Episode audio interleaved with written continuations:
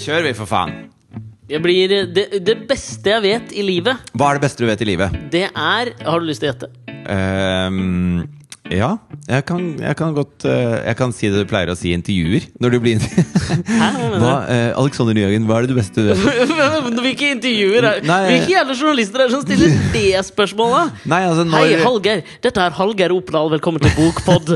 Kolbein Falker hva er det beste du vet i livet? Jeg Nei, vet ikke jeg- hvor Hallgeir Fal- Opedal er fra, egentlig. Nei, det vet ikke jeg, men jeg bare husker sånn der Når vi gjorde TV-programmer sammen, så var det sånn der Ja, når er det du koser deg som best? Eller hva, hva, er, det, hva er det beste du vet? Når har du det som best? Ja, men Nå skal jeg fortelle deg hva du svar- Nå skal jeg fortelle hva du sånn svarer. Vi har gjort mye sånn KK-intervjuer. det er sånn Hjemme eller. KK eller noe sånt. Hjemme Eh, eksisterer det fortsatt? Hjemme Mortensen? Eksisterer det fortsatt?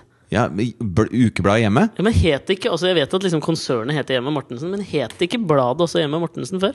Bladet for kåthet og glede? Nei, det, det het bare Hjemme. Ja, ja, Så forlaget het Hjemme Mortensen. Ja, ok. Det tror jeg bare heter Nei, det heter ikke Mortensen. Mortensrud, tenker du på en liten suburbia på utsiden av Oslo? Ja, nei, men det, det Nå skal jeg da svare. Spør, spør meg, Alexander Nyhagen. Hva, hei, Alexander Nyhagen. Halla. Nå føler jeg at jeg Du vet den, der, den parodien hvor de, hvor de står med sånn hvor, hvor journalister står med sånn der lue med sånn brems som går opp, og så står de og noterer, så står det 'press' på en sånn, og så har de, har de sånn frakk og greier. Ja. Så, hva er det beste du vet i livet Nei, vent! Ja, Jo, ok. jeg Hva er det beste du vet i livet?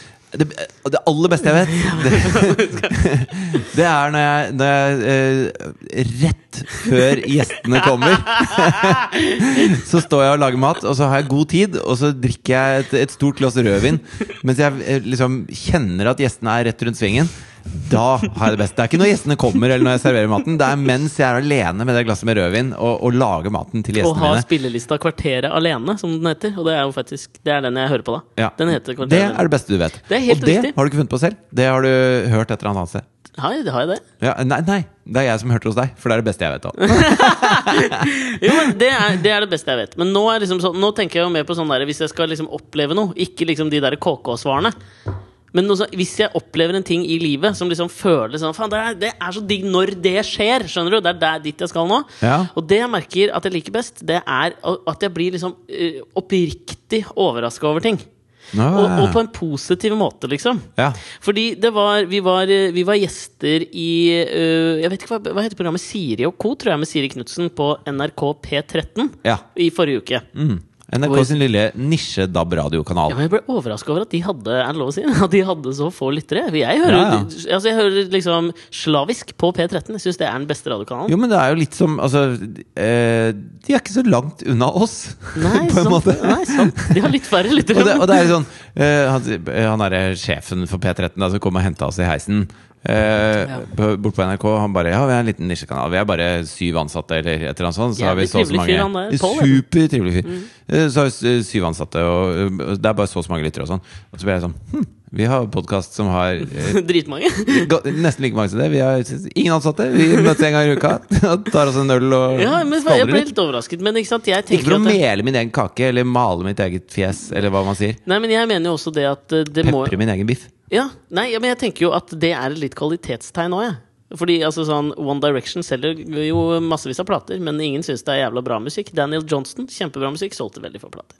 Ja, Skjønner ja, ja. Litt som oss, for, for å ta et annet eksempel bare rett ut av lufta Tusvik og Tønne, da. For eksempel. Det de One Direction, og så er vi en mer som Daniel Johnson for spesielt interesserte intellektuelle forstå-seg-på-ere. ja. Så det jeg liker Jeg veldig, veldig godt, Ja. det er da å bli overraska. Og da var vi på NRK P13, og så tenkte jo jeg nå skal jeg ta og høre Fordi jeg hører liksom gjennom podkasten og sånn når jeg klipper disse våre podkaster, men det blir liksom noe annet, for da er jeg liksom bare opptatt av at det skal eh, flyte bra og sånn. Ja, det er helt annerledes. Vi bytter jo på å, å legge våre magiske toucher Mm. på podkasten. Mhm. og, og jeg er veldig glad i når du klipper, og jeg kan øh, bare lytte på den. Ja. Fordi at det, man får liksom ikke opplevd den når man klipper den selv. Nei, eller når man prater Ikke at vi klipper bort noe som helst, selvfølgelig. Nei, nei, men det, man må jo liksom legge på litt musikk og gjøre litt Ja, sånne ting. ikke sant? jo, jobbe litt med Og så bare høre gjennom at alt er greit. Men det er beside the point. Fordi det jeg satt meg og gjorde, dette er kanskje litt sånn på narsissistisk, men jeg satt på, og gikk inn på nettradioen dagen etter, og så hørte jeg gjennom da vi var gjester på NRK P13. Ja. Skal jeg helt ærlig, jeg spurte litt over når du prata. Men du gjorde det? Du var bare hypp på å høre deg selv? Det var såpass ærlig skrevet. Jeg hørte på litt av det, men jeg husker liksom hva du sa. Og så tenkte jeg liksom mer sånn hvordan, Hva sa jeg? For det er, er jo lettere å glemme, tenker jeg. Ja. For når du prater, så er jeg liksom da, da, da, da følger jeg jo med, og det får jeg jo med meg. Og du gjør Ja? Da er jeg jo en lytter der. Ja, ja, ok. Ja. Selv om jeg har en tendens til å avbryte noen ganger, som Det- folk til stadighet påpeker. Ja, men det, det er jo ikke Det er jo kommer jo ikke ut av ingenting. At de pop, altså det er jo en helt reell ting. At du avbryter mye. Ja, men det er iver og kåthet og glede, det. Ja, og, så, og så er det ikke sånn at du eh, Altså Hvis noen sier noe, så er det ikke sånn at det, den, det innholdet i hele setningen er det du trigger til en historie fra. Det er bare sånn eh, Hvis det er et ord, så bare Å, det ordet har jeg hørt i en annen setning òg! Nå skal jeg fortelle deg den andre setningen! Og så kommer det sånn løse bruddstykker og noe greier som ikke nødvendigvis har med noen ting å gjøre. Nei, men det er litt av sjarmen, da. Ja, ja, ja, ja, ja. jo, jo. Og det er jo ikke sånn at jeg eh, driver med noe annen podkast. Jeg velger jo deg, min venn. Min kjære, gode, avbrytende kompan. Jeg velger deg. Hvilken norsk film er det? Det er et eller annet Uno eller sånt, sikkert. Uno. Jeg vet ikke. Uansett. Så jeg satt og hørte gjennom det, og da la jeg merke til at eh, Og da fikk jeg den første opplevelsen av en sånn overraskelse. Og den var ikke så innmari positiv, for da la jeg merke til min egen Og det har jeg ikke skjønt at jeg har før, men jeg har en veldig sånn derre klukkende, litt sånn derre kjip latter. Nei, det er fin latter. Nei, men ok, jeg skal, jeg skal I løpet av podkasten Nå kommer jeg sikkert til å være så jævlig bevisst på det. Jeg merker at jeg har vært bevisst på det Men du har jo ledd flere ganger nå. Ja, men det er ikke den latteren. Jeg har liksom prøvd å gå bort fra den. Og der var jeg nesten på vei. Ja, men du må ikke bli selvbevisst på latteren din, men det er så dum Hva sa du, bror? Ja, Brorsan, nå må du høre. Nei, men altså, det er jo litt sånn uunngåelig når du først begynner å legge merke til noe. Det er litt sånn som hvis du sier et ord mange ganger. Kaffe, kaffe, kaffe, kaffe. Plutselig så mister det sin mening. Ja, men vi har jo prata om dette før. Altså, eh, Aune Sand, når han skulle lansere boka 'Jordbærmus', Ja. så, så skulle han liksom eh, ble han intervjua av VGTV, snakka om det i podkasten og spilte av klipp og sånn, hvor han ler en helt sånn hysterisk Ja, ja, latter. ja.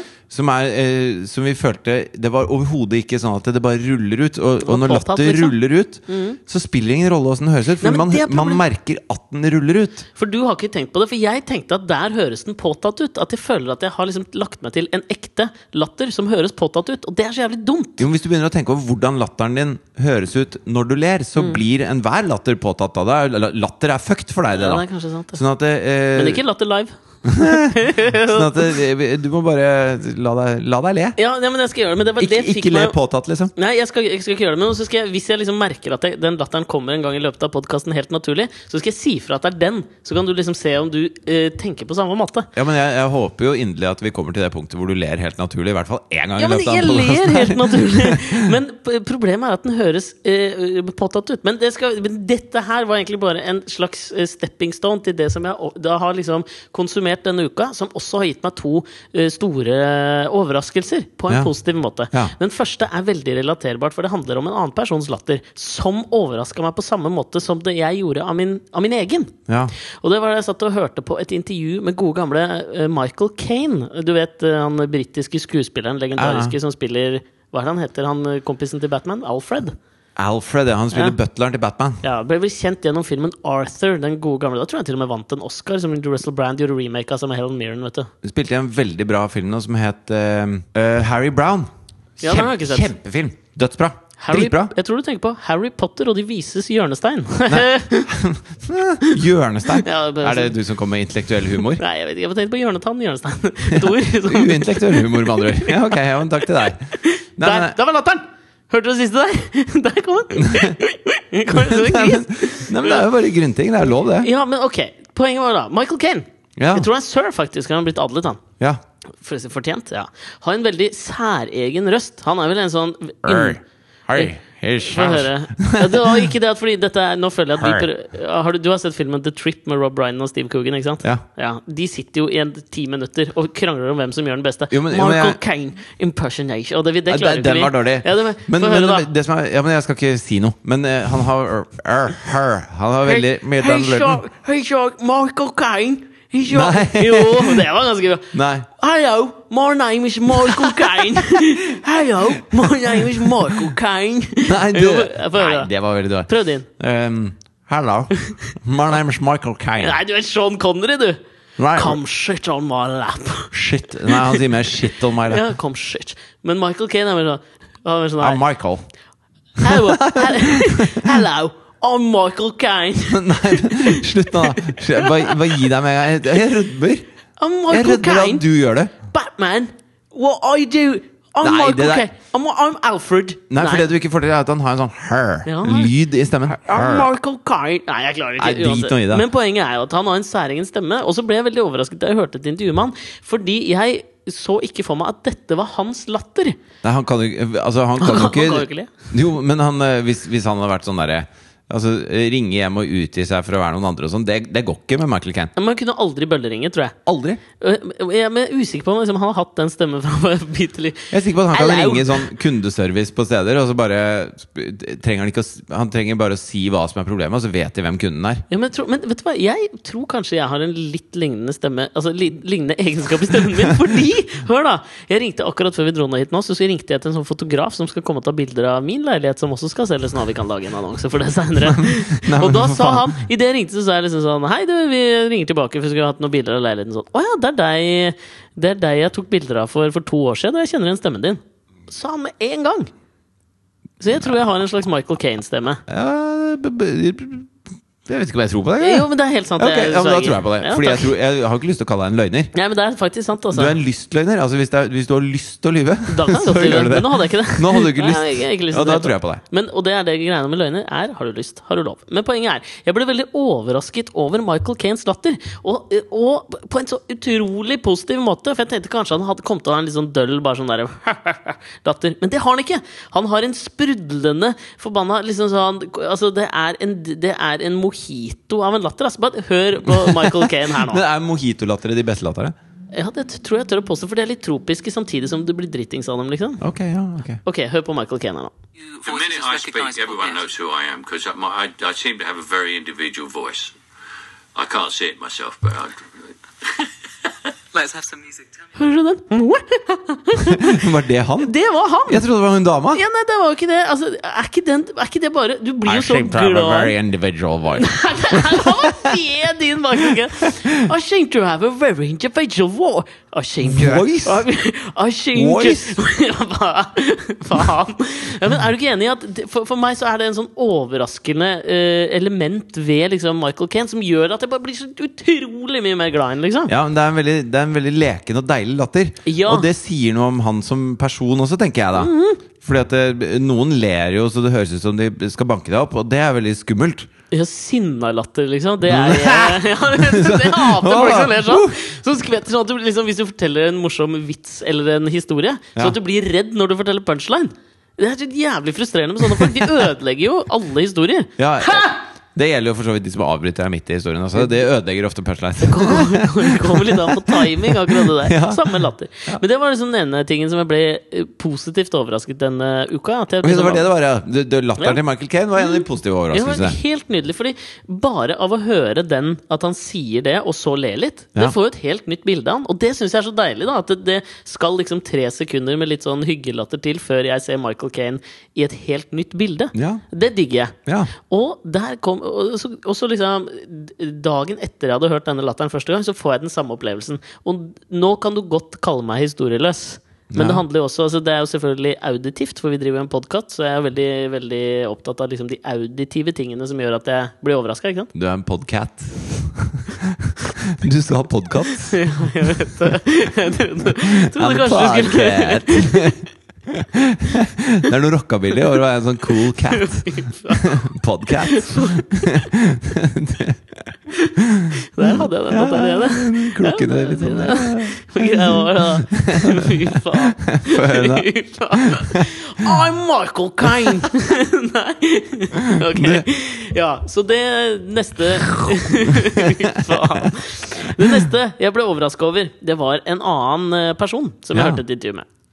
Og det var gode, gamle Tom Jones. Er han også blitt sir, eller? Nei. Nei, han er ikke sir. Han har, han har ikke noe sir-kvaliteter. Har han ikke det? Nei. Men vet du hva jeg ble overraska over med Tom Jones? Fordi at mm. etter dette her Det som gjorde at han overraska meg, gjorde at jeg måtte google Tom Jones etterpå.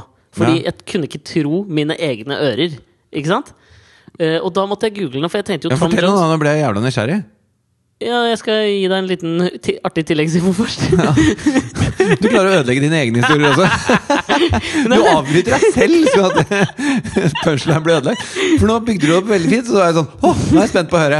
Jo, og det minner meg på. Ja, men du sa det, fordi Har ikke du også det bildet av Tom Jones som en womanizer? At han har liksom nedlagt flere damer enn Rude Rudberg? Rune Rudberg. Jeg sa feil igjen, sorry. Det var en podkast. Rudy Runberg. Jo, men ikke sant, du tenker jo det. Ja, ja. Han har jo faen meg vært gift med Melinda siden 1957 eller noe sånt. Samme dama er fortsatt gift med henne. Jo, men det betyr ikke at, at liksom 15 år med show i Vegas ikke har ført til litt poontang underveis. For Tom, Tom Knullebukk Han har jo sånn knullebukk eh, altså hvis, Tror du det, eller? altså hvis Sofie Elise har sånn knulledokkeutseende, Ja. så har Tom Knullebukk? Grambukk? Nei, hva er det Ram- jo, nei, hva? Rambukk? Rambukk? Han er liksom Nei, Rambukk er jo sånn politiet bruker for å knekke opp dører. Ja, men det er på en måte det han gjør, da. altså, Ja, nei, det er mer Bill, Bill Cosby hadde Rambukk. ja, det er for så vidt sant. Ja. det var litt ekkelt. Nei, men du, altså, du er jo enig i at det er litt overraskende? Og det var liksom, Ja, det er overraskende. Jo, men det er jo liksom ikke like overraskende, syns jeg, da. Fordi folk kan være gift, og de kan, som du sier, ha seg på, på si. Ja. Men det som ble over, overraska for meg Nå kan du kalle meg historieløs, ass. Men det var da jeg liksom jeg satte meg ned for å høre på en podkast, portrettintervju med Tom Jones. Og jeg har jo alltid trodd at Tom Jones var fra liksom Nebraska. Eller, altså, Nei, han er brite. Ja, men han er jo faen meg motherfuckings waliser, jo! Hør på han her, da! And then one day I was walking through Pontypridd with some of my friends, uh, my hometown, and Jerry Lee Lewis, a whole lot of shaking. Was Altså, what? Jeg fikk fullstendig hakaslepp! Han er faen meg fra Wales! Jo, men, eh, altså, men, Altså, men kanskje man må blir- ha en litt sånn rar, En særegen rar dialekt og stemme for å bli en sånn stor britisk kjendis, da? Jo, men for faen, har, hvordan, ja, hvordan har det gått meg hus forbi? Du Hvordan har jeg aldri tenkt- hørt han prate. Han synger. Han synger. jo alltid, men han har vært på Skavlan. Jeg har, men jeg har alltid tenkt at, at Tom jo Hey, I'm Tom Jones, and I'm from Nebraska. Hello, Tom. My name is Michael Kane. Sitter de sammen da i sofaen på Skavlan og Å ja, du. Nå, nå er det to dobbel Ok. Du kjører impersonator bonanza. Jeg gjør det. Men, det, og, men det det gjør med meg, da Og når jeg hører Tom Jones åpne munnen, og så prater han den kaveste, liksom walisiske kelterdialekten, så merker jeg at jeg liker jo han enda bedre òg. Altså, jeg har liksom tenkt at Tom Jones, litt harry, solbrun fyr som var en crooner og var kanskje populær på 60-70-tallet Han er ikke noen mindre harry, solbrun fyr fordi han er fra Wales. Jo, han er det! Han er sikkert opplevd han, han skulle jo bli gruvearbeider som faren sin, men så fikk han tuberkulose som fireåring. Kunne aldri bli det. Så jeg føler at han har liksom kjent på den gustne, mørke huden som du får oppi de walisiske gruver. jeg vet, om, jeg vet ikke om det setter så innmari merker hvis det er liksom fra fireårsalderen. Altså Én ting er hvis du får det, får det når du er 18 og du har begynt som gruvearbeider, og så plutselig bare rakner livet og du har ikke råd til leilighetene.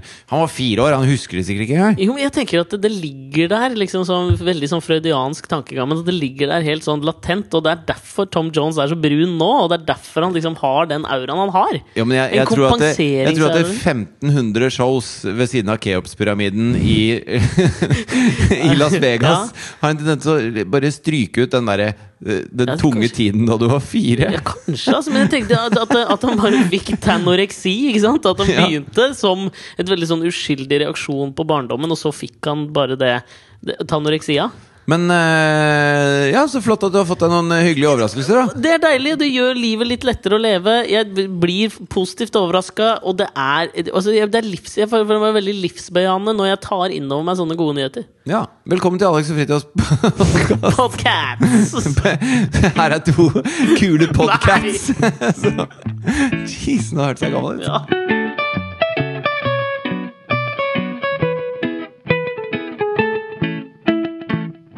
Du, det er en ting som Altså, vi har jo uh, snakket mye om, eh, om uh, politikk og sånn opp gjennom denne podkasten. Ja.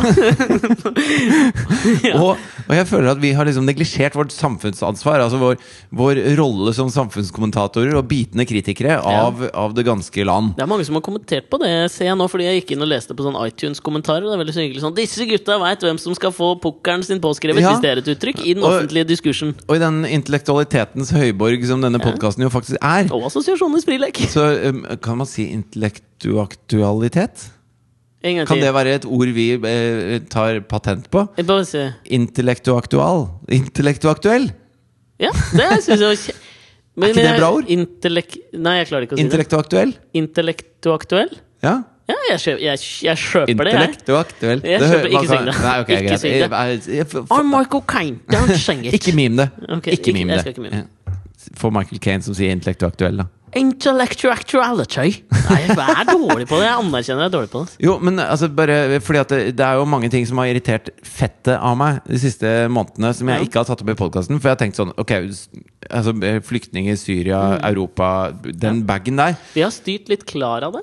Ja, men, men det er fordi et det er aspekt av det det er ja, det, det er forferdelig vanskelig og, og tragisk. øh, men det er et aspekt av det som jeg syns har skjedd nå akkurat de siste dagene, Ok. som er øh, Som er der liksom øh, populismen biter seg litt i halen. da Okay. Hvor Carl I. Hagen har jo kommet med en del sånne bevingede utspill. Hvor han, øh, han klarer å, å, å Nå må vi bare slutte å høre på ja, jeg er liksom. helt enig. Jeg er helt enig med. Men hvor han har, klarer å være det minst empatiske, minst sympatiske jævla drittmenneske som fins på denne planeten. Og det, Ja. det mestrer han med glans. Altså han, han bærer den rollen med stolthet. Og, og, og, og, hodet høyt hevet på ja, en eller annen veldig, måte, altså. veldig. Og så hadde han en sånn eh, Facebook-status eller et eller annet, som, Ja. som jo var bare sånn der Ja, men er du lagd av Er du lagd av jern, eller? ja, Faen, har du hva- der? Fins ingenting der, liksom? Ja, fy faen, Og så når, når han går til angrep på Jan Vardøen For han mener at det, når Jan Vardøen deler ut mat fra restauranten til flyktninger som har kommet Jan så- Vardøen, uh, kokk, restaurantør og båtbygger. ja, han har vel, han har vel skapt liksom, matkulturen i Torvald Meyers gate på, På Grünerløkka. Og, og dermed blitt et slags sånn ikon da, for, for den delen av matkulturen. Mm. Ja. Altså, brakt en del sånne eh, italienske Amerik og, italienske og amerikanske. Eh, italienske og amerikanske ting til Norge som Mm. ikke er sånn feinschmeckrete, men som er digg. Ja, jeg er enig. Eh, men så har han da tatt mat fra de forskjellige restaurantene og, og gitt det til flyktninger. Ja. Og så går Carl I. Hagen i strupen, for å bruke et sånt eh, et, et avisuttrykk, Ja, ja. på han og sier at det syns han er spekulativt. For det er egentlig bare for å få reklame for din egen restaurant. Og du må liksom være en, en iskald, kynisk faen for i det hele tatt å tenke de banene. Mhm. Og, så, og så har han sagt flere andre ting også, som har, som har liksom Jeg føler at han har fått mye pepper før. Han ville at vi skulle snu båtene. Så Ja. Vi skulle stå og taue båtene inn. Ja, og så har det liksom blitt sånn at det, det utsagnet hans er, var, så, var så patetisk og på kanten at, det, at det folk Alle hiver seg over det og gjør satire på det. Så han sa at det, eh, det å gi litt med TV-kameraene til stede er litt for populistisk og et forsøk på å lyse seg i glansen og skaffe reklame for sin restaurant, skriver Carl I. Hagen i et innlegg på avisen sin egen Facebook. Eh, og så kommer da disse du vet 70-50 eller hva det nå heter, og forskjellige sånne 50-80 og helt 50-80. normalt og sånn. Ja. Ja. Det var de to. ja, det var det. Skriver sånne artikler hvor eh, Det jeg savner, er at folk drukner i sine egne private hjem. Det å drukne med TV-kameraene til stede gjør Gjør ikke inntrykk på meg! Utropstegn. Det er litt for populistisk. Og et forsøk på å lyse seg i glansen. Det er gøy. Ja, litt artig take. Og så er det sånn Å sette inn et par mål akkurat når alle ser på, blir litt for populistisk. Hvor var Jo Inge Berge? en time etter at journalisten hadde reist. Satte han inn to mål mot Kroatia da? Nei. og det syns jeg er gøy. Det, det viser hvor idiotisk det blir, da. Ja, skal, Og så går det, og så går det to dager. Og så kommer Carl I. Hagen, og så sier han han vil gi 10 milliarder kroner av oljefondets penger til FNs høykommissær for flyktninger, slik at FN kan fullfinansiere leire i Syrias naboland. ja, ja. Og, og øh, det i seg selv er ikke en dårlig idé. Nei da, for all del, altså. Altså, øh, Jan Egeland, som jo er på en måte han vi bør høre på når det gjelder flyktningproblematikk, han sier at, eh, at eh, man, må, man må ta seg godt imot de flyktningene som kommer hit.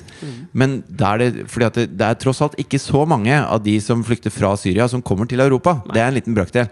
Altså, Ifølge Hans uh, Rosling 250 000 er det vel. ja, Brorparten blir jo i nabolandene, som i Jordan og i Tyrkia, og sånn, og der lever de under helt fullstendig umenneskelige forhold. Og Det er derfor de, de krosser død og fordervelse for å prøve å komme seg til et sted hvor det er bedre. Uten rent vann, uten liksom grunnleggende helsetjenester. Men, men der kommer man litt inn her, i kjernen av det som er utrolig eh, bra med å være populistisk. Ja. Fordi Carl I. Hagen eh, er jo i aller høyeste grad en meget populistisk fyr. Han er jo det som man eh, kritiserer, Carl, nei, man kritiserer Jan Vardøen for å være. Der kan jeg Så- prøve å slå sammen et ord, sånn som du gjorde. Han er vel liksom opportunist-populist. Ja. Det var ikke like bra som Popopporti- Ja, det var mye bedre. Du er bedre Ja, på det. takk, takk skal du ha. Det er min rolle da i vår lille podkast. Orokapisten.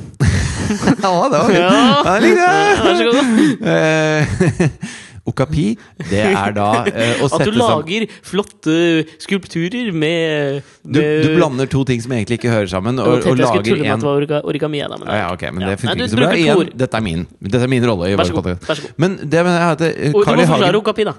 Ja, Okapi er når du tar to ting som ikke henger sammen, og så setter du det sammen. Sånn eh, eh, For eksempel elefant og sjiraff. For en skilefant! Ekstremt dårlig eksempel. Ja, men si da Jo, men at vi- du tar 'Skal vi danse' og 'Idol', og Ja. så får du 'Skal vi synge'. Ja. Eller Robinson og 'Vil du bli millionær', og så får du 'Vil du bli Robinson'. Ok. Jo, men i hvert fall Så det som skjer da Når, når eh, Carl I. Hagen merker at, det, at folket er mot den når, når vi, vi har alle liksom eh, Mange av oss har ment at vi må ta oss godt av disse flyktningene en god stund. Ja. Men nå virker det som landet har våkna litt. Ja. I litt større grad. Ja og Jo, men nei, det men det. ja, det jeg gjør skjønner hva du mener. Og det er det Carl I. Hagen også merker. til, eh, Så han merker at oi, der tråkka jeg over. Da tar jeg som faen andre veien. Ja. Og da begynner, det å bli, da begynner det å bli fint igjen å være populistisk. For i regjeringen så er det ingen som foreslår å gi 10 milliarder til flyktningleirer. Og da trenger vi en sånn, en sånn gjøk som Carl I. Hagen, Ja. som bare moser ut et tall for å så bare knekke opp de grensene litt. Ja. Fordi at da, Hvis Carl I. Hagen har sagt 10 milliarder, så kan ikke, så kan ikke Erna si 1. Da Nei, må hun si 3. Ja, jeg, jeg, men jeg skjønner hva du mener.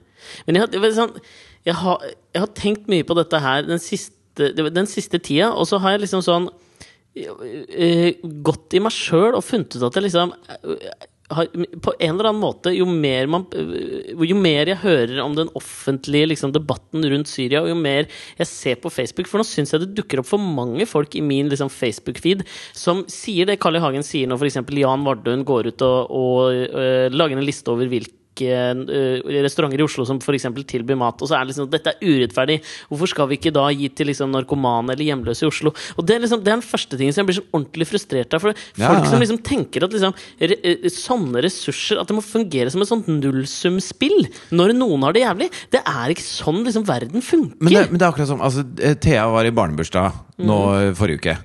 Og så, og så skulle jeg da komme med gave, for det skulle være i festsalen på, på skolen. da Råflott. Ja, Råflott, det er en gymsal. Nei, festsalen på skolen, ja. Okay, jeg trodde du sa er Jeg tenkte at du sa rådhuset. det er gymsalen på skolen, men det er det festsalen, da. Skulle det er fest på Råflott. Eh, Så, så jeg hadde jo ikke kjøpt gave tidsnok. Jeg fikk jo Mm. ikke helt med meg. Så jeg pakka en kjole i sekken hennes, og så jeg kommer innom før bursdagen begynner klokka fem. da Ja. Og så eh, kjøper jeg et sånt lite kosedyr og en bok.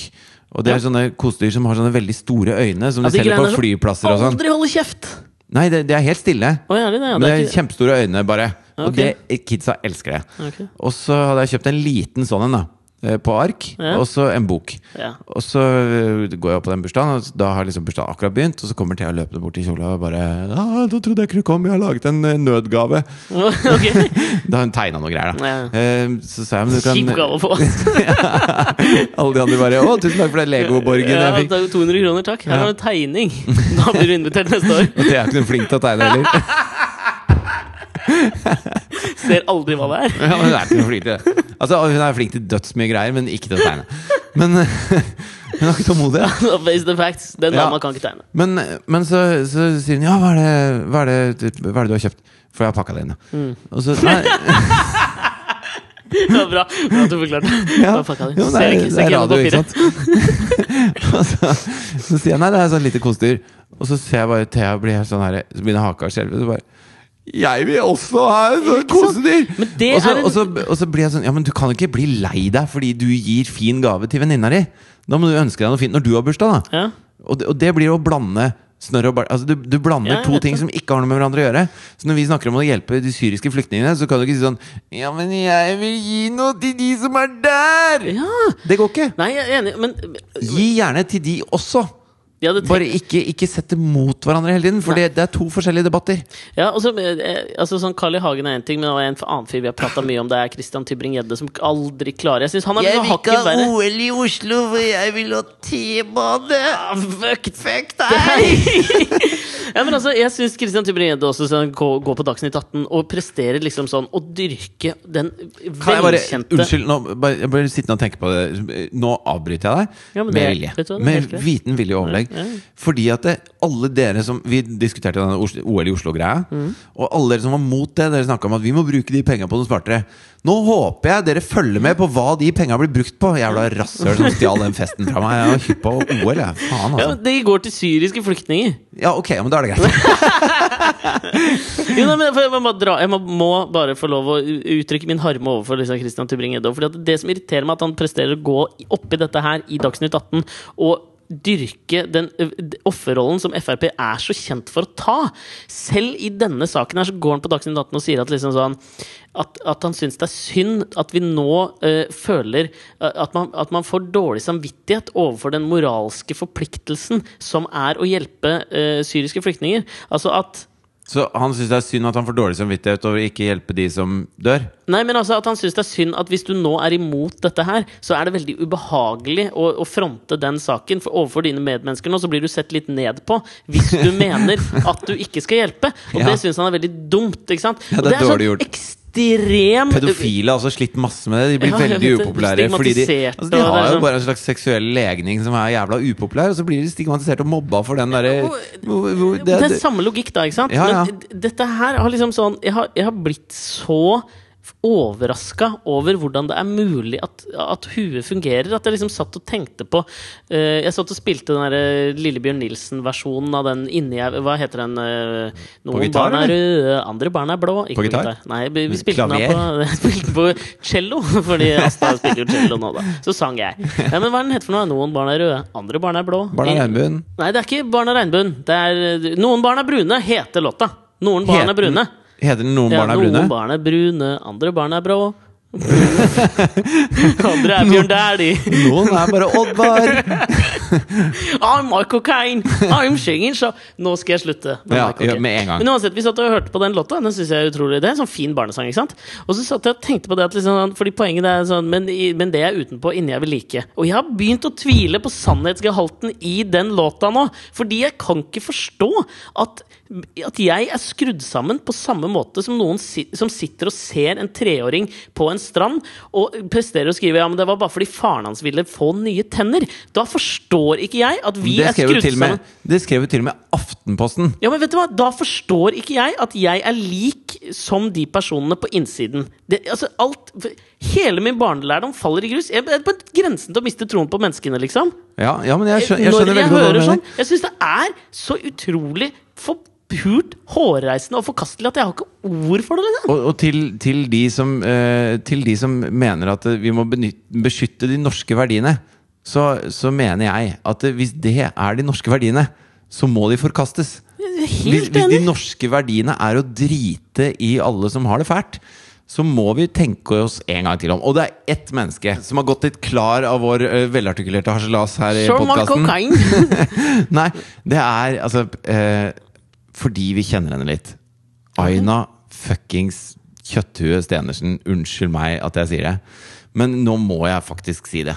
Altså, da vi hadde gøy på landet, så fylte vi en buss med, med noen intellektuelle bautaer av noen damer. og kjørte Norge rundt for å se om de hadde lyst til å ligge med noen du- på landet. Nå syns jeg du var stygg. Jo, men altså, Masse av disse jentene var superhyggelige, og er fremdeles superhyggelige. Ja. Eh, og Aina Stenersen var med på den bussen. Og hun var for så vidt hyggelig når vi var på den bussen, for da diskuterte vi ikke politikk. Men så har hun blitt eh, mer og mer vokal i, i aviser og alt mulig sånt. Jeg er enig. Du er blitt en kronikør. så- En rikssynser. Ja, en rikssynser. Og så og så nå skrevet om tigging. Ja, jeg så det. Ja. Eh, eh, jeg kan bare lese første setningen. Eh, det, det hun skriver da Altså Summen av det hun skriver, er oppsummert i ingressen. Og det heter 'Å få en tiggerkopp i trynet i Oslo til alle døgnets tider' er rett og slett utrolig irriterende. Dette er så kan jeg bare Du skal få lov å gå, men dette er bare sånn Dette er nøyaktig det samme som Christian Tybring-Gjedde Det er sier. akkurat, det, han- jeg, det er akkurat Ja. derfor jeg tar det opp. Fordi at det, det at hun synes det er irriterende at folk har det fælt. Det at hun vil bare skjermes mot at folk har det fælt. Og hun mener at det, eh, hun er, lever i dette vårt kjære, privilegerte land, mm. som er halvfullt av drittfolk. Eh, og, og fordi vi er så heldige å bli født her, så skal vi bare skjermes mot alle som har det fælt. Og, og de som har det fælt, kan ta med seg fæltheten sin et annet sted. De kan bare dø et annet sted. Eller tigge et annet sted. Eller sulte et annet sted. de tror, eh, Sånne folk som Aina Stenersen tror at de tigger fordi det er en, en, en god yrkesvei som de har valgt, og som de tjener dødsmye penger på. Og de lurer oss, og det er, det er noe svindel og faenskap. Og, og det, Ja, altså, det bare, de er der for å irritere Aina. Ja, de er ikke der fordi de vil overleve. Nei, altså det som er poenget her eh, Nå skal jeg prøve å si dette som jeg tenker, for jeg har også lest den kronikken hennes om tigging. Og det hun på en måte sier på et tidspunkt skriver i denne kronikken på et tidspunkt også, er at hun skriver eh, det, er- det er aldri noen som har klart å tigge seg ut av fattigdom. Som om det liksom derfor implisitt betyr at det å tigge er en dårlig idé. Du blir jo ikke rik av det, liksom. Og, og da mener jeg, da har du et ganske For meg, da, så har du et jævlig fucka verdensbilde. For da klarer du ikke å sette deg inn i noen andres situasjon. Det er jo ikke der, det er ingen som setter seg på gata og tigger fordi de har lyst til å bli rike, men det er fordi det er en nødvendighet. Men la meg Nei, bare si ser at ikke på det som altså, Nå skal jeg ta tre år på BI, og så får jeg den jobben der. Det er ikke derfor du, du tigger ikke fordi at jeg, ja, Hvis jeg tigger nå mandag, tirsdag, onsdag, så kan jeg begynne å jobbe på Joe and the Juice på torsdag, for da, Ja, jeg, da sånn- kan jeg kjøpe sånn det funker. Du trenger mat nå! Ja. Mett nå! Den, det franske ordet mett nå! Jeg vil være mett nå! I dag er du ekvilibristisk hva gjelder ordet. You're on fire! From Sean Michael K. Men uansett, si da så bare liksom sånn, bli, bli med meg på en liten reise inn i Aina Stenersen, Stenersens verden, da. Ja. Si at vi liksom aksepterer hennes verdensbilde. Si at vi liksom sånn Vi, vi tar bort alt, alle våre meninger om dette her, og vi aksepterer hennes verdensbilde. At sånn er det, liksom. Folk har ikke blitt rike av å tigge, liksom. Vi aksepterer det. Vi legger bort alt. Vi, Så- gjør, vi gjør dem en tjeneste ved å nekte dem å tigge. ja, ikke sant? La oss bare si at vi aksepterer hennes verdensforståelse. For the sake of the argument som jeg skal gi nå. Så mener Tung jo jeg også mental oppgave. ja, det er det. Ja. Men bare liksom sånn Jeg kommer til å bryte det ned. Du skal ikke være der lenger. Fordi poenget er Samtidig oppi dette her, så, så liksom velger hun å se bort ifra forskning. Mhm. Altså, mennesker har forsket på tigging f.eks. fra romfolk. Den største myten om tigging fra romfolk er at det er noen store bakmenn som står nede i Romania og bare soper inn cash og går rundt og henter inn penger, liksom. Og forskning Som- som viser at det de ikke stemmer! Ja. Altså sånn, hvordan kan du liksom sånn Hvordan kan du lese den eh, forskningsrapporten hvis du ikke har lest den? Så har du ikke gjort hjemmeleksa di. Hvordan kan du velge å bare da se bort ifra det? Det Når du i tillegg er en, er en vokal politiker for et av Norges regjeringspartier, Ja. og så skal du liksom uh, bare se bort ifra det som er fakta, og så presentere ditt din oppfatning av hvordan virkeligheten Det er er. sånn som du sa til meg en gang sånn her, Hvem var det som hadde sagt det at Nei, jeg syns ikke Beatles var noe populære, jeg. Ja, ikke sant? Altså, det er liksom eh, en sånn eh, standing joke, da. Ja. At eh, Beatles En fra Filippinene har sagt at jeg Ja. syns ikke Beatles var noe populære. Du de var ikke- så populære akkurat der han var. Akkurat når Beatles var populære er over ikke- hele verden ellers. For det er ikke sånn verden funker. Og jeg merker for min del så går dette utover det. Sånn som når Christian Tybring-Gjedde, Aina Stenersen og Carl I. Hagen sier de tingene de sier, så gir det ring- ringvirkninger for meg. også, For jeg hater ikke partiet Høyre, liksom. For den saks skyld. Syns Høyre har mye godt for seg. Men nå hater jeg dem, bare fordi du kan ikke, du kan ikke stå i et regjeringssamarbeid med noen som har folk som mener det der. Nei, og det tror jeg Erna er kjempeenig med deg og hun står i en jævla klem med Siv Jensen, som, mm. som sier at vi skal hjelpe de der de er, og alt mulig sånn. Samtidig som Erna nå ser at eh, hennes store forbilde Angela Merkel jo er fuckings mor Teresa i forhold til samtlige norske politikere. Vi bør, vi bør sånn oppriktig skamme oss over hvordan vi oppfører oss i denne her, hele den flyktningkatastrofen. Og så, og så uh, leste jeg et intervju med Erna her nå, der hvor Altså, eh, hvor eh, hun blir spurt Men du forstår at velgerne kan oppleve at regjeringen sender ut forskjellige og motstridende signaler. Når Erna sier én ting, og sier, sier henne midt imot, da. Ja, du, vi skal ta med så går Siv Jensen på, Den største motsigelsen der er når Siv Jensen åpner FrPs valgkamp i Ålesund. Så står hun for fuckings talerstolen og sier Hei, kommunene, si nei til å ta imot flyktningene. Ja, ja. Og så har et flertall på Stortinget som, som eh, Erna Stortinget har vedtatt bestemt Ok, Frp og SV forlot forhandlingene, liksom, fordi Frp vil ha flere, SV vil ha færre. Men du kan ikke, du må, du kan ikke gjøre det som et ansvarlig regjeringsparti. Nei, du kan, ikke, du kan ikke stå som finansminister og si mot din egen regjering og be liksom væpna revolusjon fra kommunene sin side mot sin egen statsminister, som du sitter i Men, men eh, Og da, da prøver Erna liksom å navigere det, for hun syns jo sikkert det er dritpest. Dritkjipt, da! Ja, Å være sjef, og så har du en sånn loose cannon som bare Ja. løper rundt under der, liksom. Så hun sier da Jeg tror vi har klart å forklare velgerne hva vi gjør. Jeg syns ikke velgerne er så tungnemme, jeg. De, og, og da Ja, legger hun implisitt inn i at det, Siv Men Jensen og den gjengen der, de skal vi prøve å ikke høre for mye på. For vår jobb er å få deres mandater, og skal vi bare prøve å holde dem litt sånn i tømmene. Så de må bare få lov til å bruke kjeften sin. Men hør på det jeg sier, egentlig. Det er det Erna prøver å si. Ja, men jeg, men jeg kjøper det ikke, liksom. Nei, selvfølgelig ikke! Men jeg, men, uh, jeg, jeg syns hun har vært liksom for lite vokal. Hun har vært for lite ute og liksom sagt 'vet du hva'? Hør her, på, liksom. Hvis jeg og Katrine hadde vært på middag hos deg og Mari, da og så sier Katrine liksom eh, Ja, altså, jeg syns hun dattera deres er et jævla rasshøl, jeg. Altså, hun, hun suger. Jeg har møtt masse andre unger som er mye hyggeligere og kan mye mer. Og hun er en ganske tunglært eh, liten uh, jente. Jævel, ja, Tjukk er hun òg. Og så går Katrine på do, og så sier jeg sånn Altså, det Katrine mener, er ikke representativt for oss som par. Må Altså, vi har veldig lyst til å fortsette å være på middag her. Eh, Jeg håper vi kan det. Og så bare prøver jeg å være stille når Katrine kommer tilbake. Altså, Det er sånn som Erna må leve med hele tiden. Hun har gifta seg med et rasshøl! Ja, det, det, jeg, jeg merker sånn Kan vi liksom bare fastslå nå at alle som i hvert fall lytter på vår podkast, lar disse, dette her påvirke hva de går og stemmer på på kommunevalget? Fordi jeg mener liksom sånn Ok, kommunevalget har ikke like mye å si Eller ifølge Siv så er det sånn kommunene kan si nei, så jeg mener jo ja, det har noe å si. Kommunemalget! Kommunevalget Har har masse mempemye å si. Ja, men det har en del å si. Så, men kan vi liksom bare sånn Kan vi gi dem en altså, vi, må få, vi må gi tilbakemelding her. Jeg mener ikke Jeg støtter ikke Russell Brand i at liksom, vi skal bare drite i det demokratiske liksom, styreformen. Liksom. Vi må bruke stemmeretten. Liksom, vise, gi tilbakemelding. Altså, Ja. Vi må skrive smilefjes omvendt på stilen de nå har skrevet om Syria. Og så må vi si liksom nei. To røde streker under svaret og si sånn nei, dette vil vi ikke ha. Ja, og jeg, jeg har lyst til å gi eh, Jeg har vært utrolig forbanna på åssen regjeringen, med Erna i spissen, har eh, Eller spissen og spissen, altså det er jo en sånn spiss ut på sida som er Siv. Jo, Eh, men også er vel Erna mer en slags form for en, Det er en, en er rombønn. styrefjæra på den pilen som regjeringen er. Ja, jo, ja. Eh, hvor hvor på, på pilhodet så sitter, så sitter da Siv og prøver å holde Per Sandberg i tømmene. Han vet du. Han er jo en jævla løs kanon. Men uh, uh, det derre med at når hele denne krisen pågår, så er vi alltid liksom fire måneder etter alle de andre. Og når, når man snakker om at vi må fordele flyktningene mellom land, og det skal være kvoter og alt mulig sånn, så, så uttaler man seg ikke. Man sier men nå skal vi vente og se hva som skjer.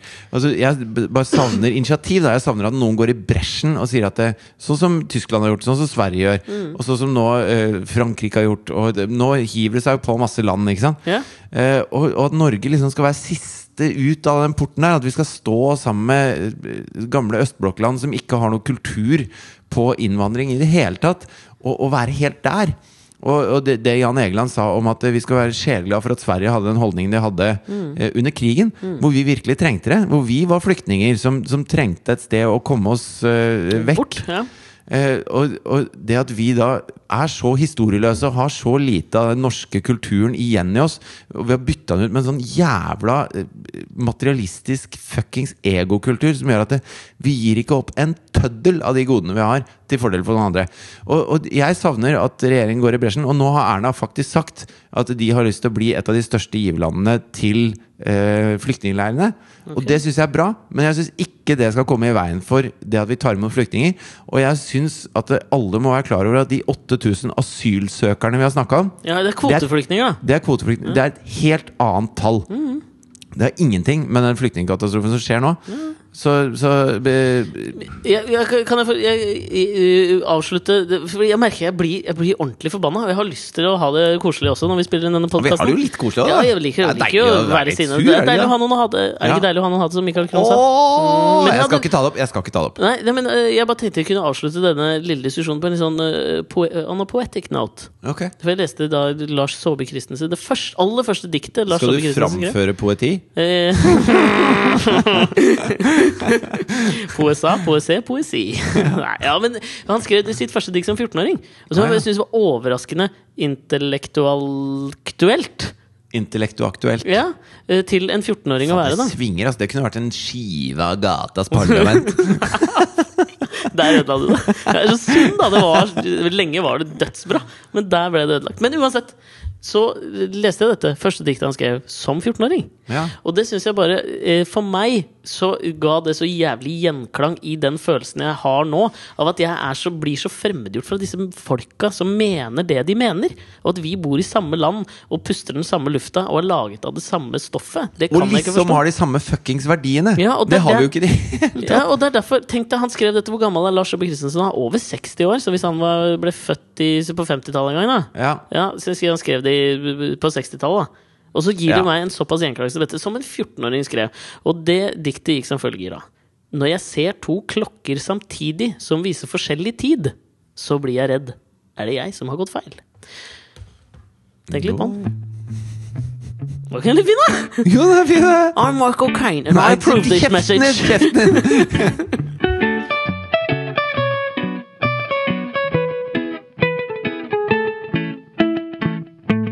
Nei, nå er det tilbake til triviell eh, dagligdags eh, hverdagsunderholdning. Eh, ja, ok jeg var på Nei. jeg satt på trikken på vei ned hit. Nei, men eh, altså, jeg var, eh, jeg var på foreldremøte i barnehagen. Mm.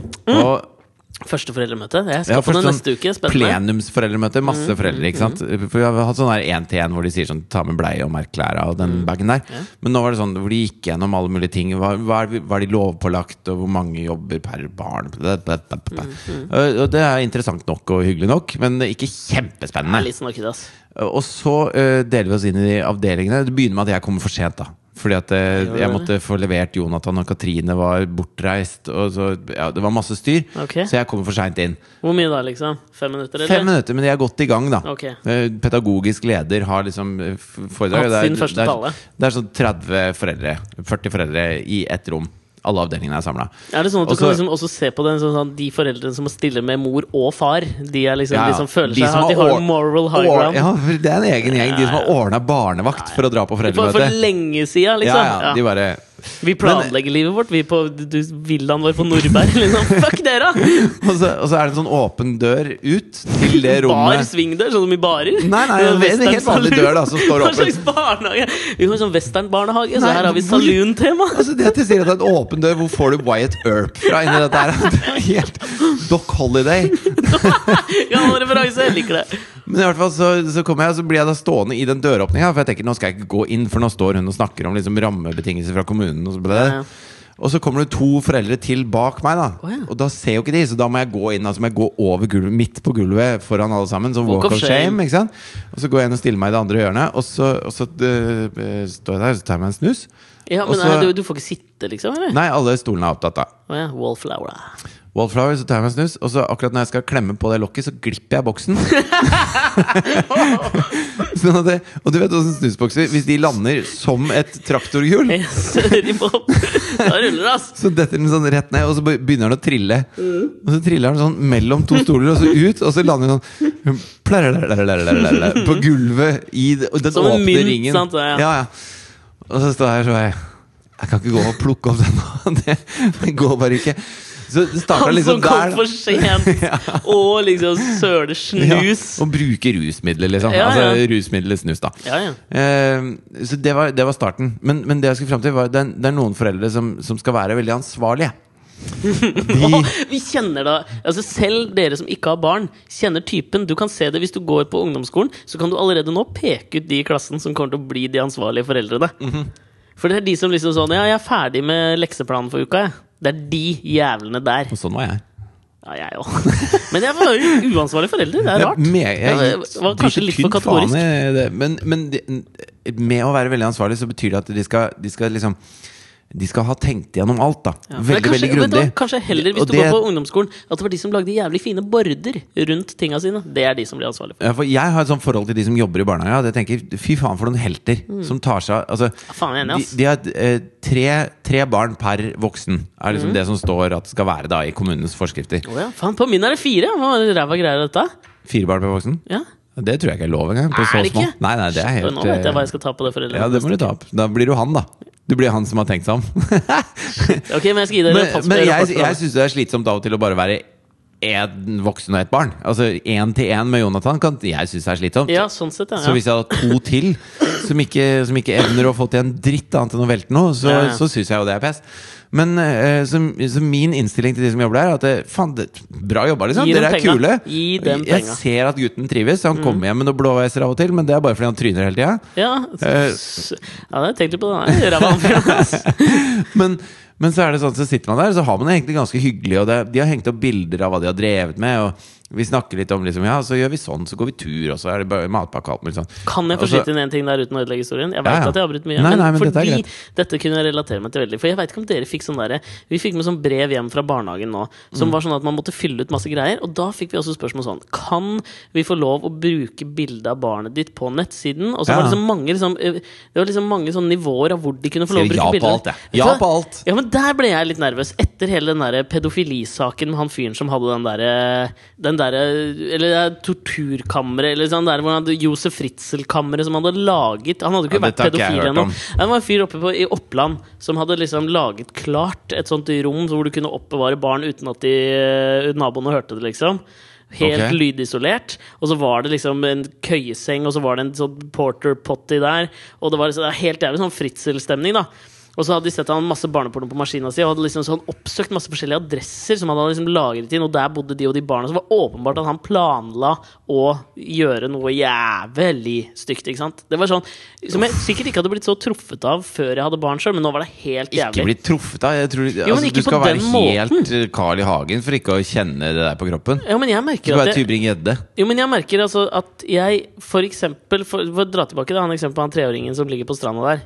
Før så hadde jeg syntes det var liksom sånn Når jeg så sånne bilder av barn før, så syntes jeg det var helt jævlig. Men Ja. nå når jeg har fått barn sjøl, det, det er bare et helt nytt nivå av jævlig. Ja. Jeg, for, for jeg tenker alltid Men, at det men kunne det vært mitt eget sånn, barn. for meg så er det sånn Når jeg så det bildet Og det har vært skrevet mye om man skal, om man skal bruke sånne bilder. Mm. Altså Skal man dele et sånt bilde, eller skal man vise et sånt bilde? Ja, for at, du Så- liksom, at verdigheten, de mister verdigheten som en sånn siste Ja. ting. da Og det er jo eh, Altså, jeg tenker jo primært på en sånn sultkatastrofe i Mm. Etiopia, f.eks. Sånne ting. Eh, så, så var det så utrolig mye av det at du, at du, eh, du mistet tyngden i de bildene. At du, du overeksponerte for sånne ting. Mm. Ja. Og, og litt av det Litt av det så ekstreme bilder skal brukes til, er jo nettopp når en, en ting har gått for langt. Så skal man bruke dette og få folk til å bare snappe ut av det og, og se virkeligheten. da Det er litt som jenta som løper naken for å brenne napalm ikke sant, i Ja, absolutt. Og det, det har jo vært flere sånne bilder i, i flere sammenhenger som har snudd hele verdensoppfatningen om om konflikter eller om ting som skjer. Og jeg, og jeg føler at dette bildet var et sånt bilde. Og det betyr ikke at vi nå skal lete land og strand rundt etter 5-10-15 til. Fordi at det, det har ikke noe verdi å, å vise. Men det var akkurat nå, så av en eller annen grunn, så trengte verden, oss, i hvert fall Norge, da. Ja, Og jeg tror også mye andre deler av Europa trengte å se det bildet. Ja, for å bare ja. se at dette er, dette er nå. Og det, og det er nå akkurat dette skjer. Og da, da Jeg blir sånn at når jeg ser et sånt bilde, så, så bare stenger Alt stenger det inni meg. Altså jeg, jeg klarer ikke å reflektere over det. Jeg klarer ikke å tenke noe videre. Det, Ja, jeg klarer ikke å bare- se på det så lenge. stopper helt, liksom. Jo, men det, det, men det jeg tenkte på det der med å dele bar, bilder fra barnehagen, da, som i utgangspunktet er koselig, så begynte jo jeg Det er jævlig synd, og så begynte jeg å tenke på det der at liksom sånn Faen, hvis, hvis noen sitter og liksom sånn googler barnehager, da, så ser de liksom sånn barn de liker Faen, hvordan det der funker. Det er en jævlig ekkel Jo, men- tanke. ja, men så jeg skrusa masse nei, jeg. At de ikke fikk lov å bruke det? det? på offentlig, men bare på sånn passordbeskytta steder og sånn. Jeg sånn Kanskje jeg er blitt paranoid, men det er Jo, jo men du, jævlig kan ikke krysse nei på alt det samtidig som dere blæster burgeren ut Altså Burgeren er jo da Ja, datteren Ja, jeg- til Alex for nylig nye lyttere. ja. Dere legger det ut på Facebook og, og, og Instagram og, og sånn. Alt mulig, det. så det er jo helt offentlig der. Ja, jeg vet det, men det var jo det jeg begynte å tenke på. Det var Da jeg satt og så på den saken på TV 2-nyhetene, så ble jeg jo helt sånn Fy faen, jeg kan, ikke, jeg kan jo aldri legge ut bilde av henne på internett igjen, liksom. Jo, men jeg, altså, det, er, Og det det er er litt synd da at jeg skal liksom formes av omstendighetene rundt på den måten der. For det, er- jeg, har jo liksom, jeg har jo bare lyst til å skryte av og vise fram til alle, egentlig. Ja, men det var, det var litt dette jeg skulle fram til. For at når vi sitter på det foreldremøtet, så har vi snakka om liksom, hva de har på matpakka, og sånn helt Åssen de leker, og at eh, når, okay, hva faen snakka dere om når det kom til matpakkegreiene? Var det noen som hadde ræva matpakke, liksom? Nei, nei, men bare altså, vi som foreldre, da. Den ene tingen jeg har lurt på, er har jeg med nok mat. Ja, Fordi ja, ja. Jonathan sier jo ikke 'i dag var det vond matpakke'. Jeg er litt sulten. Han kom bare hjem uten noe, og så tenker jeg ja, det gikk bra. Altså, jeg får Ja, ja. ikke noe feedback, da. Så, så jeg prøvde å si til dem at det er, det er fint hvis dere sier om han har spist opp maten sin, om han syns det var stas og sånn. For da vet jeg hva jeg skal spørre neste gang. Og så um, så mens vi sitter og prater om sånne egentlig hyggelige ting, og det er veldig god stemning, og de har kaffe og druer og, og Maryland cookies? Kaffe, druer og Maryland cookies. Dårlig kombo. Prima servering, tenker okay, jeg da. ja. Så, så rekker hun henne opp henne og sier hun eh, Har dere snakket om seksuelle overgrep? Oi, det er faen meg en fucking Som er en jævla bombe å slippe der, ass. showstopper midt i et sånt barnehagemøte. Vi var da mister Hvor vi snusboksen igjen! Og ruller ruller over. Ding, ding, ding, ding, Det er en slags verbal snusboks å Å, miste. fy faen, ja. Og hun eh, pedagogiske lederen, som jo er superhyggelig, eh, sier sånn Nja, eh, altså Vi har jo gått uh, kurs, uh, men det dreier seg mest om å se hvis sånn, altså at vi skal kunne melde fra til eh, korrekt instans hvis vi ser at det er noe som skjer hjemme Ja. som er bekymringsverdig. Så de har gått et kurs i det, da. Men hva mente du? Ja, sant? ja. Nei, for da har hun lest i avisa, akkurat som du har lest i avisa om, om gærninger. Mm. Og så, og så uh, må hun pedlederen liksom skrive ned Ja, ta opp uh, seksuelle overgrep på morgenmøtet på mandag, liksom blant de som jobber her. Og, og jeg mener jo det at øh, den der, det fokuset som er i pressen og blant, øh, blant liksom Sånn som når du snakker om det du akkurat sa, da. Det, det skaper eh, en, en frykt som gjør det mer reelt, på en måte. Og de, som, de som da sitter og kanskje har disse tilbøyelighetene, de finner da eh, Altså, de får eh, bekreftet at dette er noe som faktisk skjer rundt omkring, og at det er folk som lever ut disse tingene som de også sitter med. Og da er det, eh, jeg, tror er, jeg tror at det er større sjanse for at dette skjer mer, jo mer vi setter et sånt uh, unødvendig fokus på det. ja. Jeg skjønner hva du mener. Veldig sånn der, Altså, etter at hun begynte å prate om seksuelle overgrep, så har jo jeg sett på liksom Ok, er det hvordan er det der hvor de bytter bleier? Er det, er det dør? Er det, kan man se gjennom den døra? Hvis den er lukket, er det sånn og sånn? Og så, og så går jeg og tenker på dette og, og sånn, og, og jeg har ikke lyst til det. Jeg har lyst til å tro det beste om folk. Og jeg, jeg mener at man skal det. Og jeg, jeg tror at den som blir gitt ansvar, tar også ansvar. Så hvis vi, hvis vi som eh, Nå sier jeg vi som i plenum går og mistenker alle for å gjøre forferdelige ting med en gang vi ikke ser, så er det større sjanse for at de som er tilbøyelige til å gjøre forferdelige ting, faktisk gjør det. Ja, jeg skjønner, jeg skjønner hva du mener, og, og jeg kjenner bare litt igjen. Men det er sånn der eh, Jeg husker Er det tilbake i gode gamle Michael Moore-dokumentaren som heter 'Bowling for Columbine'? Eller 'Fahrenheit 9-11'? Jeg husker ikke, men det er et av de hvor han har intervju med Marilyn Manson. Ja, Hvor, han, hvor Marilyn Manson er sånn, for meg òg liksom, sånn overraskende intellektuaktuell. Ja veldig intellektuaktuell. Hvor han liksom prater om hele den der fryktkulturen. Ikke sant? Og hvordan liksom frykt brukes av liksom, Kanskje han er litt konspiratorisk, da, men liksom mener at frykt brukes av liksom myndighetene for å sørge for at vi liksom holder konsumenthjulene i gang. Jo, men Men jeg, jeg kanskje syns det ikke det er ligger i det, konspiratorisk i det liksom. hele tatt. Det er sånn som Anundsen, som, eh, som liksom mener at alle skal være bevæpna, og, og det, det gjør oss mye tryggere og sånn. Uh, der politiet skal være bevæpna Ja. i Norge, ikke sant? Vår, vår kjære justisminister. Ja. Eh, og, så, og Og programleder! Og programleder. og så kommer det jo fram nå at de, de eh, eh, brorparten av de skuddene politiet har avfyrt, er jo inne på, i Ja, garderoben på politikammeret. politikammeret, og det bare fyres av rundt omkring i hytt og gevær Ja, på alle politikamre rundt omkring. Og det er drittfarlig at disse gjøkene går rundt med pistol. Mm. Så ikke ha pistol. Eh, Nei, men altså, det, Kanskje det ligger noe i det der at liksom sånn At uh, anerkjenne Men jeg, sånn, jeg, jeg er litt delt, kanskje. Men er sånn, sånn, uh, jeg, jeg tror ikke det ligger i liksom anerkjennelsen av et problem, for det må vi jo liksom gjøre. Man må anerkjenne at noen er pedofile. Og, og, og det, det skjer. Ikke sant? Jo, men- men, kanskje, men, men det at man liksom sånn gjør det til, eh, gjør det til liksom, Nå skal jeg ikke si gjør det til et problem, men liksom man, hvis man liksom gjør folk veldig bevisst på det, så vil det liksom skape mistenksomhet som gjør at liksom sånn Ok, plutselig så må vi ha kameraer på bleiestasjonen. Plutselig så må vi ha liksom rapporter ditt, jo, rapporter jo, men datt, er, altså eh, Da jeg lagde Livssynsdirektoratet for NRK, så Et TV-program som gikk for et par-tre år siden, tror jeg. Ja, fire er det kanskje? Ja, det er jo lenger siden. Men, men i hvert fall så intervjua jeg Kristin Clemet. Mhm. Som er hun som er leder for Civita, gammel høyrepolitiker. Gammel utdanningsminister. Ja, det òg. Mm.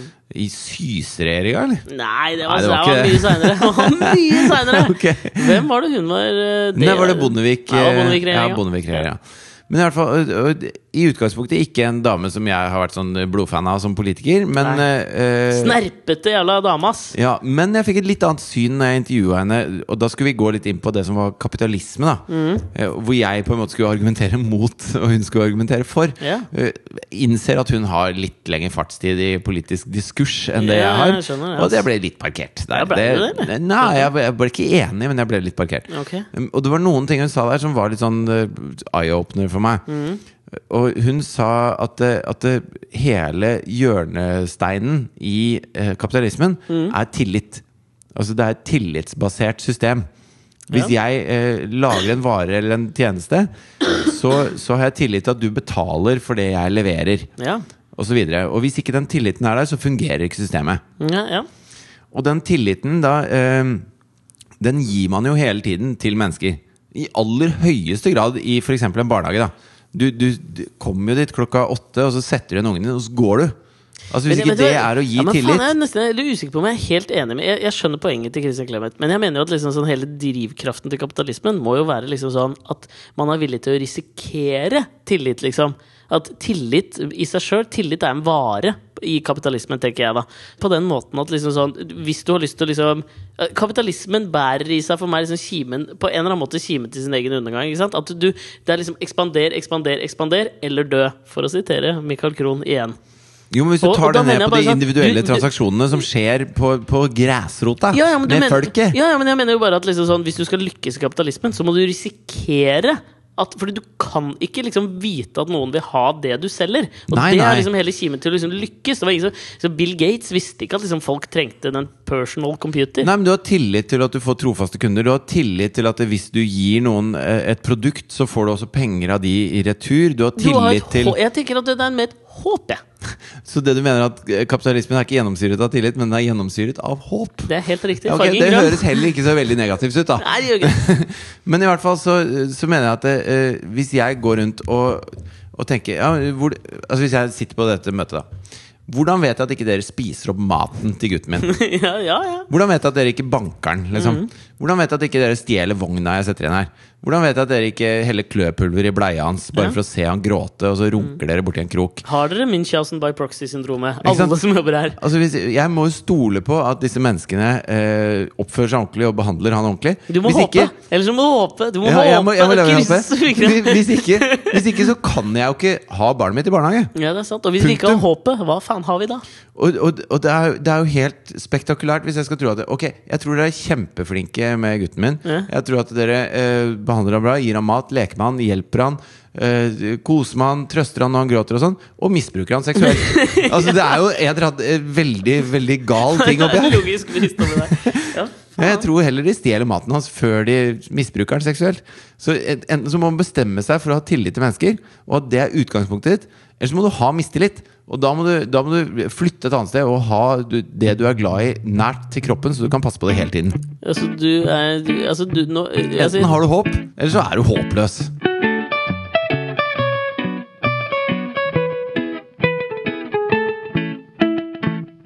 Nei, nå ble det mye intellekt og aktuelle ting her. Jo, men altså. det, jeg synes det, det må være greit. Men det jeg syns, da, min kjære kumpan, det er at eh, nå er jeg i en hverdag hvor jeg ikke har mulighet til å utbasunere i like stor grad som, som andre perioder i livet. Hver gang jeg hører ordet 'utbasunere', vet du hva jeg tenker på da?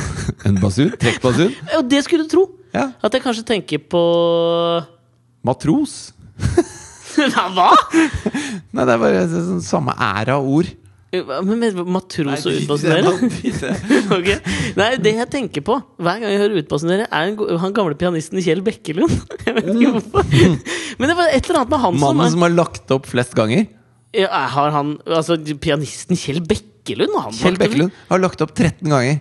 Han er har bare nå, nå, er- nå har jeg slutta. Ingen flere konserter, takk. Og så bare? I'm back! 13 ganger har hun gjort det. Nå kom jeg på en artig anekdote også om Kjell Bekkelund, og dette var ikke planlagt. Jeg visste ikke at- jeg visste ikke at jeg hadde noen jeg anekdoter har- om Kjell men Bekkelund Altså, jeg har én anekdote om Kjell Bekkelund. At navnet hans er fint hvis du bytter forbokstaver? Bell Kjekkelund. ja, det var fint. Ja, det var fint. Nei, men altså, Jeg har én Kjell Bekkelund-anekdote. Hva skjer hvis du bytter motorklipper? Da?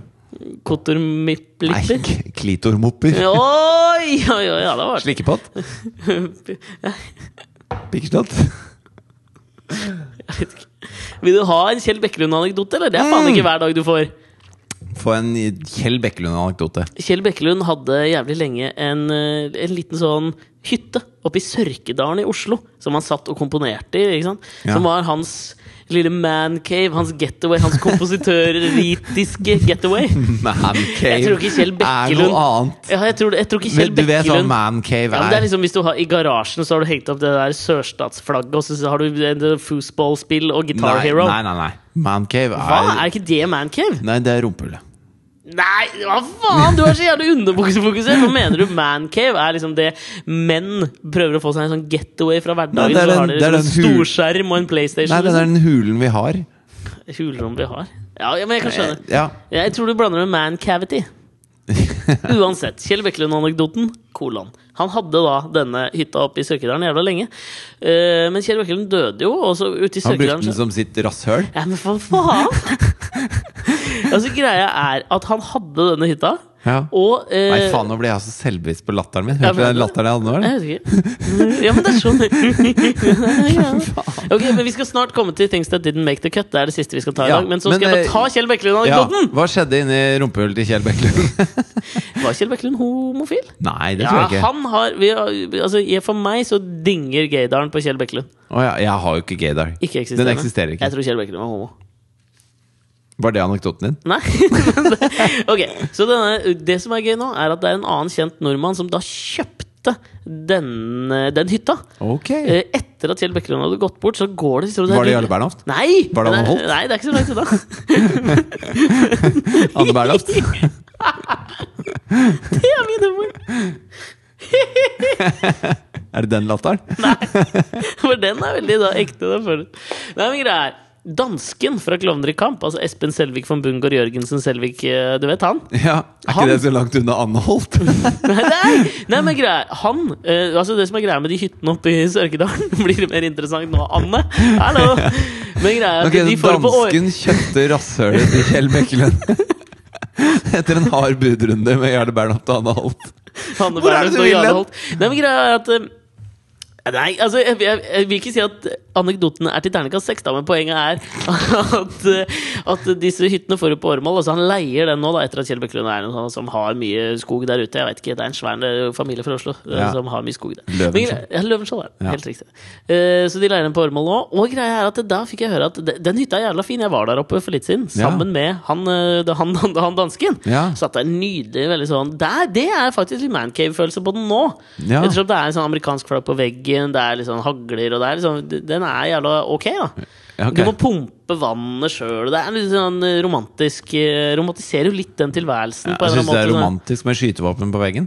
Nei, men altså, jeg har en romantisk forestilling om den liksom sånn hytta i nærheten av skogen. Det er noe litt sånn derre Henry David Thoreau over det. Altså Walden-boka. Som er sånn at Du lever ute i skogen alene, og så skaper du noe stor kunst. For meg er det litt sånn romantisk forestilling om det der. Okay, ja, ja. Det kommer sikkert en ny Klovner-plate hvor han har skrevet noen låter derfra. Så kan Ja. du tenke det samme Men poenget var at da Men Heter han dansken fordi han studerte i Danmark, eller er han egentlig dansk? Han er halvt dansk. Faren hans er dansk. Jævla innvandrer, altså. Ja, fy faen. Dere, du, hjelp dem der de er. Ja, hjelp dem der de er. Oppi rasshølet penger ned rasshølet hjelp der Kristian? Den anekdoten anekdoten er så ræva! Det er så synd. Fordi for Hele poenget er jo bare at den hytta er jævlig liten. Det er dødsliten mancave. Kjell Bekkelund har bitte liten mancave! Trang! Han så trang, Trang mancave! er så drøyt, du må gå ut for å skifte mening, si! Ja. Å nei, du sa det! jeg må det. Oh, jeg måtte jo det. Jeg følte at det var en slags du servet opp til en smash. Oh, nei, det er ikke noe smash. Og så det som, det som Kjell Bekkelund gjorde der For uh, Kjell Bekkelund var jo Jeg vet ikke om jeg nevnte at han var pianist. Jo, comeback-kongen. Og så Det han gjorde, var at han ville jo ha pianoet sitt opp i denne hytta, så han kunne sitte der i Thoreau-stil og liksom bare sånn Her skal jeg Hva nå? Nei, jeg tenker bare på den hytta som Som- Rumpa hans, da. Ja, okay, han ville ha pianoet piano oppi der. Så det han Oppi gjorde der. Ja, men det han gjorde, det var at han faktisk Fy faen! Det neter, altså. Det er ikke så bra anekdote. Okay. Men greia er Kom punchline? Nå kommer punchline. Nei, men det er ikke punchline heller, er bare Nei, fakta, okay. liksom. Så det han gjorde, var at han Det er laftet hytte, ikke sant? Så han, han fikk noen til å fjerne Fordi han, han fikk noen til å fjerne hele kortsiden på hytta. Hele veggen. Så han fikk inn piano, og så bygde han opp, laftet det på nytt, sånn at piano sto der inne, for han fikk det ikke inn gjennom døra. Wow. Kjør vignett på Things That Didn't Make The Cut, da. Things that didn't make the cut. Things that didn't make the cut.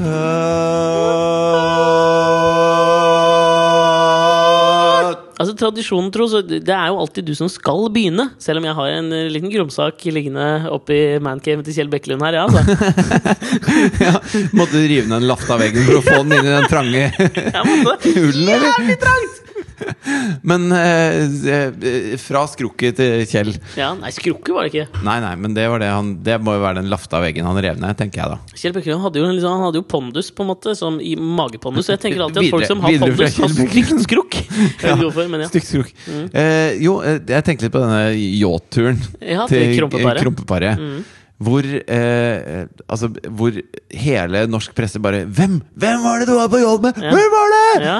Og, og alle er og, ordentlig harnisk. Ja. må vite hvem han var på jobb med. Eh, og, så, og så er det da intervju med både Kromp og Krompegull. Eh, som, som sier at ja, men det var en venn liksom, og inviterte oss med, og så sa vi ja, og var der et par dager. Og ikke noe big deal. Og, så, og, så, og så sier kronprinsen at det, Og det er, det er ikke sånn at hvis, hvis en kompis spør om du har lyst til å være med et sted, så er det ikke sånn at du skylder han noe. Nei. For det er jo det alle vil ha det til. ikke sant? At det, hvis, han blir, hvis han får en luksusferie, så må han gjøre gjenytelser, og da bruker han sitt embete som, som compens Ja, eller sin kropp. til Eller sin kropp Ja. til å gjøre gjenytelser. Og så, og så tenkte jeg på det bare Jo, men Men er det ikke litt sånn? Egentlig?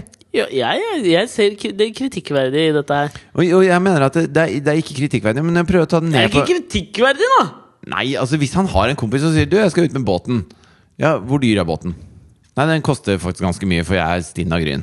Ja, men hvis problemet nei, nei, oppstår med en gang du liksom sånn du, det, Dette her er det faktisk det samme. Dette er den motsatte effekten enn det å si Ja, har dere snakket om seksuelle overgrep? Fordi du får den akkurat samme effekten hvis du sier Vet du hva, vi skal i hvert fall ikke snakke om seksuelle overgrep. Jo, men, Da ja, men får, du, sånn- det, da får du det nøyaktig sånn den samme altså, hvis følelsen. hvis Jeg skal i hvert fall ikke fortelle hvem det var. Ja, hvis, du, hvis du sier ja, jeg har lyst til å komme på middag Eh, Ja, hvilke råvarer har du tenkt å bruke?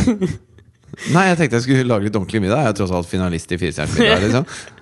Jeg har tross alt vunnet Masterchef. Nei, nei, og så, så Ja, jo, tenker jeg sånn å, Finalist i Firestjerners middag, ja, kommer sikkert til å kjøpe sånne dyre greier. Ja, det betyr at da må jeg rive i neste middag, liksom. Ja, men du tenker, du, men innerst så tenker Nei, men jeg tenker jo aldri det. Men det er jo det vi krever at Krumpegull skal tenke. Ja, men jeg tror han i sitt embete så har faktisk Sorry, du er født inn blått blod, da må du faktisk tenke litt sånn. Nei, du må jo ikke tenke sånn! Men faen skal han, må han bare ha liksom Altså, Kan han ikke ha kompiser i samme eh, Sjanger. Sånn, nei, men jeg Jo, mener men Vet Han hva jeg tror omgir seg jo med mennesker med midler, da. Ja, han har fløyet med b- privathelikopter med Bill Gates, han også, men det som problemet oppstår med en gang han Ja, det ikke burde sier han i hvert fall med en gjort. Nei, men han må si det med en gang.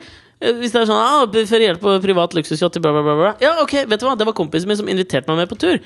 Sånn var det. Det var det. Og da hadde vi sluppet hele shitstormen Jo, men jeg ut av mancaven til Kjell Bekkelund. Da, det er det jeg prøver å si. Jeg syns vi er så jævlig sutrete at vi plastrer det er at litt enig i det. Krompegull har vært på båttur, skal liksom ta luven av alt annet i kongeriket Norge. Ja, jeg, er faen, nei, faen sorry, meg trist, jeg er altså. litt enig, ass. Jeg, er- Ja. Sorry, jeg er litt enig. Jeg skal ikke Ferdig med ikke det. Sagt det. Ferdig. En annen fyr som suger, da, som for things that didn't make the cut for min del, heter Pierce Morgan Han syns jeg Suger, ass! Han suger litt balle, ass. Ja, ja. Er du ikke enig? Han suger mye balle. Ja, altså, jeg hørte en ting som Han synes lepper i seg mancaven til Kjell Bekkelund. Han gjør det med skje, Ja, ja. ass. Lett. Ja, men jeg bare hørte en ting som, jeg, som fikk meg til å liksom hate han enda mer. Og det var liksom sånn, Han skulle Han har ikke fridd til dama si, da. men de har vært sammen dritlenge. Han har ikke fridd Og så hørte jeg at liksom, sånn, han, var, han er så opptatt av kjendiser! Denne jævla Piers Morgan. I en alder av 27 år så ble han jo redaktør i News of the World og sugde verdens mest sugeballende avis, liksom. Ja. Og Men han er, han er et rasshøl, det er jo etablert. Hva er det du vil fram til nå? han møtte da Stevie Wonder på et intervju. Ikke sant? Ja. Og så visste han at kona var så jævlig fan, så det han fikk, han fikk eh, Stevie Wonder til å gjøre, var at han tok opp mobilen sin, så filmet han at Stevie Wonder liksom skulle fri til kjæresten. Sånn at hvis han en gang bestemte seg for å fri, så kunne liksom Stevie Wonder gjøre det for ham, så han slapp alt det hasselet med å fri. Så Men hvordan har du- Sugent jævlig dritt! Og hvis det nå er det jo ikke en overraskelse Hvordan har du fått vite det hvis han ikke har fridd henne? han sa det i et intervju, og da tenker jeg da har du ødelagt overraskelsen. Men da kan du aldri bruke det. Nei, men da er det Selvopptatte rasshøl. Da har du egentlig bare fått Stevie Wonder til å gjøre det, bare sånn at du kan fortelle et intervju, da, din jævla kukk. Ja, og Stevie Wonder er jo blind. Han ser jo ikke hvilket rasshøl du er i utgangspunktet. ja, ja. Helt til slutt, før vi avslutter, så har vi jo eh, Vi lanserte for noen uker siden at vi eh, skulle komme hjem til noen av lytterne. Ja, Og eh, sp spise middag. Vi inviterte oss sjøl på middag Vi og spille inn en podkast. Eh, og det som er hyggelig, er at det er masse folk som har lyst på å besøke oss. Vi har plukket en vinner. Ja, fordi at denne To her vinnere, egentlig. Ja, jeg tror det. fordi, ja, det er to vinnere. Fordi at denne her Vi var begge liksom veldig sånn enige og, og sa det simultant. At liksom sånn, vi kan jo ikke, vi kan ikke si nei til den, denne invitasjonen. Nei. Men jeg følte det var rett opp vår gate, eller blind vei, om du vil. Ja, ja, ja. Og det er jo da vi fikk en invitasjon til et kollektiv. Kollektivet Tystaneset på Sankthanshaugen i Oslo. Nei, men altså, Hvis dette er en slags vinner, så må vi ha en sånn eh, Og, og vinneren er liksom? Nei, og vinneren er eh, Kollektivet Tystanes! Ja! Tystaneset. Okay. Ja, de har tydeligvis sånn slått sammen etternavnene sine. For det er to jenter, tror jeg. Tror jeg. Som bor sammen. Ja. Ja, I hvert fall hun som har sendt til oss. Hun er jente. Hvis de sier ikke hele navnet, det kan de få lov å avsløre sjøl. Hvis de vil det. ja, for de må Altså tanke, Tanken er jo at vi skal eh, få god mat Mhm. og, og eh, helt middelmådig rødvin. Ja. Og så skal vi spille inn en podkast med de to som publikum, og det er jo egentlig drittkjipt. Ja, altså fra, fra bandlivet. Ja. Så du kan gjerne spille en konsert for masse mennesker, men hvis du har to mennesker inne på øvingsrommet Veldig, veldig slitsomt. Ja, men, men jeg, jeg håper at det går bra, for jeg, jeg føler at de For jeg føler at de beskrev en, en, eh, en leilighet som vi kunne kjenne oss igjen i. Her snakker vi liksom Jesus, Buddha og Shiva-kjøkkenfliser. Den øvre delen av en mannlig mannekengdukke som de har kalt for Stavros. Jeg syns det høres veldig bra ut. Ja. Det er oppe på Sankthanshaugen i Oslo. Ja, det er to jenter, har de skrevet under her. Vi håper dere tenker over det. Dere er hjertelig velkomne. Vi takker ja til den invitasjonen. Ja. Skal vi avtale seinere når vi skal gjøre det. Ja, Det er ikke sikkert at det blir neste, men det blir i nær framtid, i hvert fall. I nær framtid. Der, altså. Ja, og til dere andre som ikke vant konkurransen, tøff luck! Nei, men faen, vi kan sikkert gjøre hvis, hvis det viser seg da at dette er, noe, er gøy, og Ja, at det ikke er kleint som i et øvingslokale, så kan vi sikkert gjøre det der igjen. Altså, for det var veldig mange som sendte inn, og det syns jeg er utrolig koselig. At dere har vil ha besøk av oss. Men så må vi jo plukke ut noen, da. Ja, så uh, Det er litt som de syriske flyktningene, da. Ja. Så dere var heldige. Er- Dere fikk oppholdstillatelse, jobb dere, og, og- rødvin. Ja. ja, så send oss mail, da. Ja, på alexogfritjof.gmail.com. Ja, Lik oss på Facebook. Men, men, men, men, drit i den mailen. Så bare Facebook. Ta det på Facebook, da. Ta det på Facebook. Ja.